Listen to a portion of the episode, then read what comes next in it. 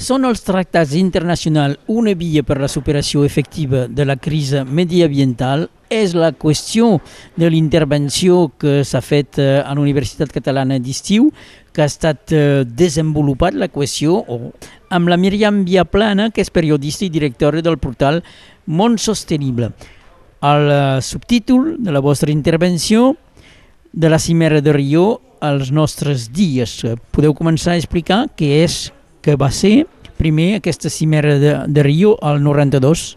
Sí, la cimera de Rio eh, es va fer a, a Rio de Janeiro el 92 i és una mica com quan es va començar a prendre més consciència a nivell mundial i quan es va començar a difondre més el tema del, del medi ambient. Es parla de que és la primera cimera, però aquesta cimera ja en la seva mateixa declaració ja explica que a, a, adopta i intenta basar-se i es basa de fet en la declaració de la cimera d'Estocolmo, que és la que es va celebrar a l'any 72. És a dir, eh, jo sempre dic, la cimera de Rio és eh, com si diguéssim la mare de totes les, les cimeres que ara estem de, de les tres convencions que van sorgir de Rio, no? de la que, que és la de canvi climàtic, que són les cimeres que potser veiem més informació per la tele i tot això, i també hi ha la de desertificació, desertificació i la de biodiversitat.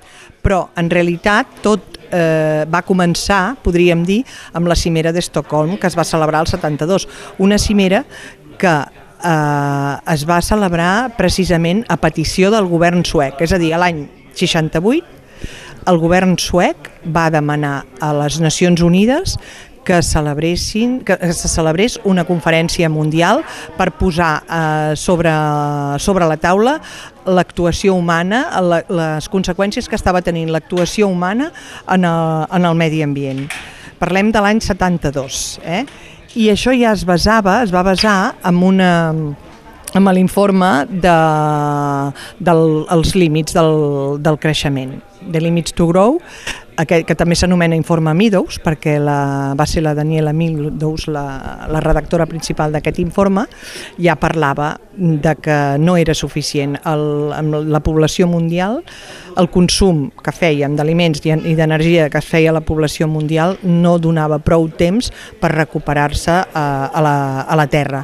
Això està inspirat en les teories de Malthus, Malthus era de finals del segle XVIII, però eh, Malthus ja deia, en, el, en, en aquella època, el 1800, hi havia 2.000 milions de persones a la Terra, i ja deia això. Ara som 7.800 milions, imagineu-vos, no? Eh, el consum d'energia s'ha disparat des d'aleshores, però ja en aquell moment es parlava d'això. De fet, la cimera eh, d'Estocolm tenia com a lema una sola terra, que és la que ara s'ha celebrat aquests 50 anys i que el juny, el 2 i el 3 de juny, eh, s'ha celebrat com una mini cimera a Estocolm, que es deia Estocolm més 50, per recordar eh, aquesta celebració.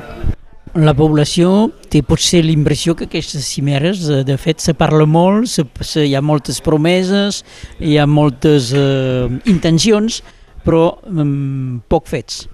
Sí, eh, a veure, n'hi ha pocs fets. N'hi ha moltes cimeres, moltes trobades, moltes negociacions, alguns acords i la majoria no vinculants. Però és el que tenim. És a dir, és com allò de... És la democràcia un bon sistema? Bueno, és, és el menys dolent dels sistemes que coneixem. Doncs d'alguna manera eh, amb això és el mateix. Les cimeres eh, els acords que s'arriben a les cimeres són bons, però el problema no és que no s'arribi a acords, sinó, a veure, que costa arribar a acords, eh? però si arriba a acords, tenim el, primer vam tenir el protocol de Kyoto i després ara tenim l'acord de París. El problema és que aquests acords no són vinculants, estan eh, pengen una mica de la bona voluntat dels, dels estats, del, del, de que els compleixin o de que els puguin complir, perquè després els estats també tenen els seus lobbies de pressió, no? a banda de que el govern de turn estigui a favor o en contra això ho vam veure amb, amb l'acord la, de París, vaja, es va signar l'acord de París perquè el Barack Obama es va tancar amb el president de la Xina, van signar l'acord de París, va ser tota una celebració, tot un èxit, eh, en quan va entrar el Donald Trump a la, a la Casa Blanca va sortir de l'acord de París i, i ara tornem, als Estats Units torna a estar a l'acord de París perquè el Joe Biden, quan ha entrat a la Casa Blanca, doncs ha dit que, que tornem a ser-hi. De tota manera, jo ho deia una mica amb la xerrada, eh, tot serveix, tot serveix. I, I les cimeres jo crec que són eh, un escenari. Eh? D'alguna manera, tu que ets periodista, doncs ho saps, quan hi ha un escenari, quan passa alguna cosa, tu avui per què estàs aquí a la, a la, a la UC? Pues perquè s'està celebrant la, la universitat d'estiu, si no, pues, potser se t'hagués acudit de fer una notícia sobre la UC, però, si no, però potser no.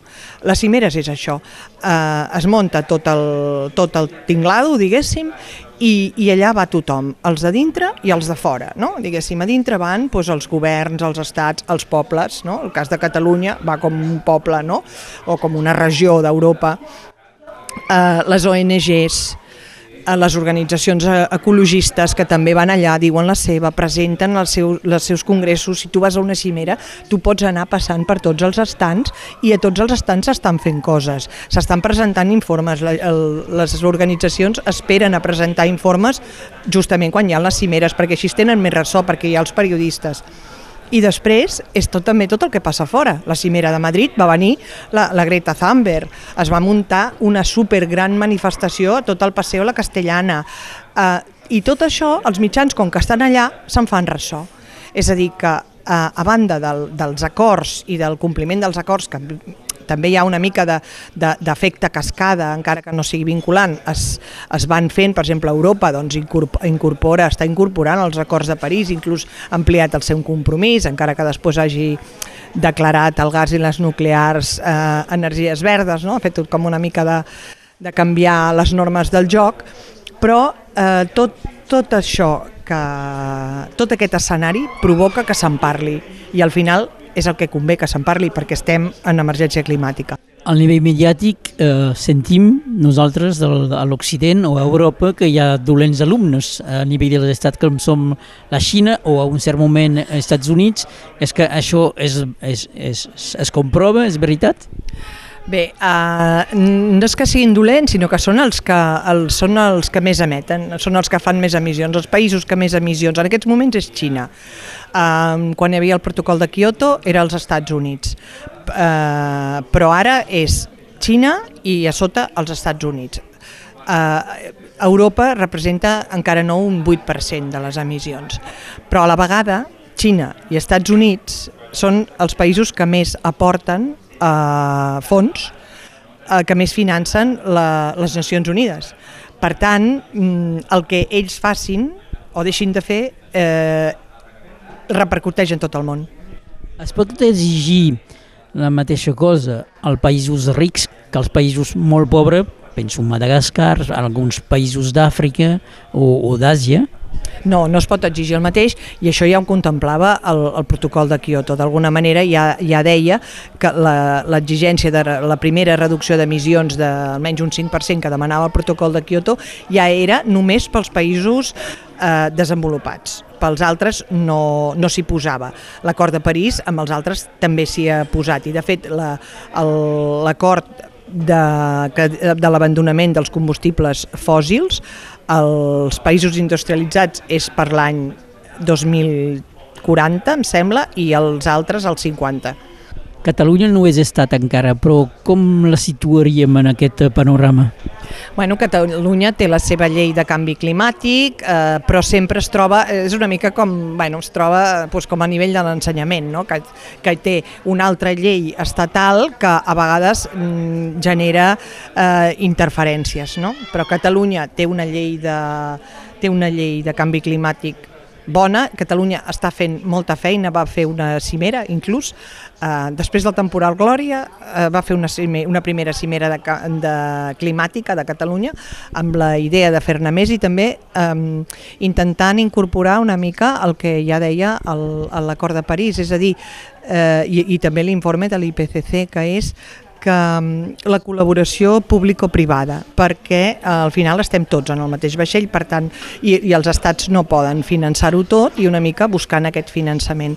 Catalunya eh, té, molts, té, moltes, eh, té molts instruments també i té organismes, té el Consell pel Desenvolupament Sostenible de, de Catalunya, que penja directament de presidència, té l'Oficina de Canvi Climàtic, eh, té la mateixa televisió, la mateixa corporació catalana de ràdio i televisió um, és, és dels mitjans diguéssim que no corresponen a un país com declara, bueno, reconegut, diguéssim, que cobreix més les cimeres, és a dir, que Catalunya actua molt com a país. Ara, només una vegada va estar amb l'estatus de país amb una cimera, que va ser la de Copenhague, al costat de Xina, concretament.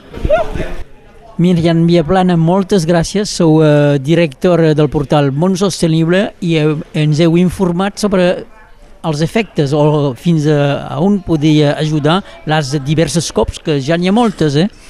moltes. Ja, anem, ja hem fet la, la, la 26 i, i bé, n'hi haurà moltes més, però espero que cada vegada siguin eh, més efectives. Moltes gràcies. Gràcies a tu.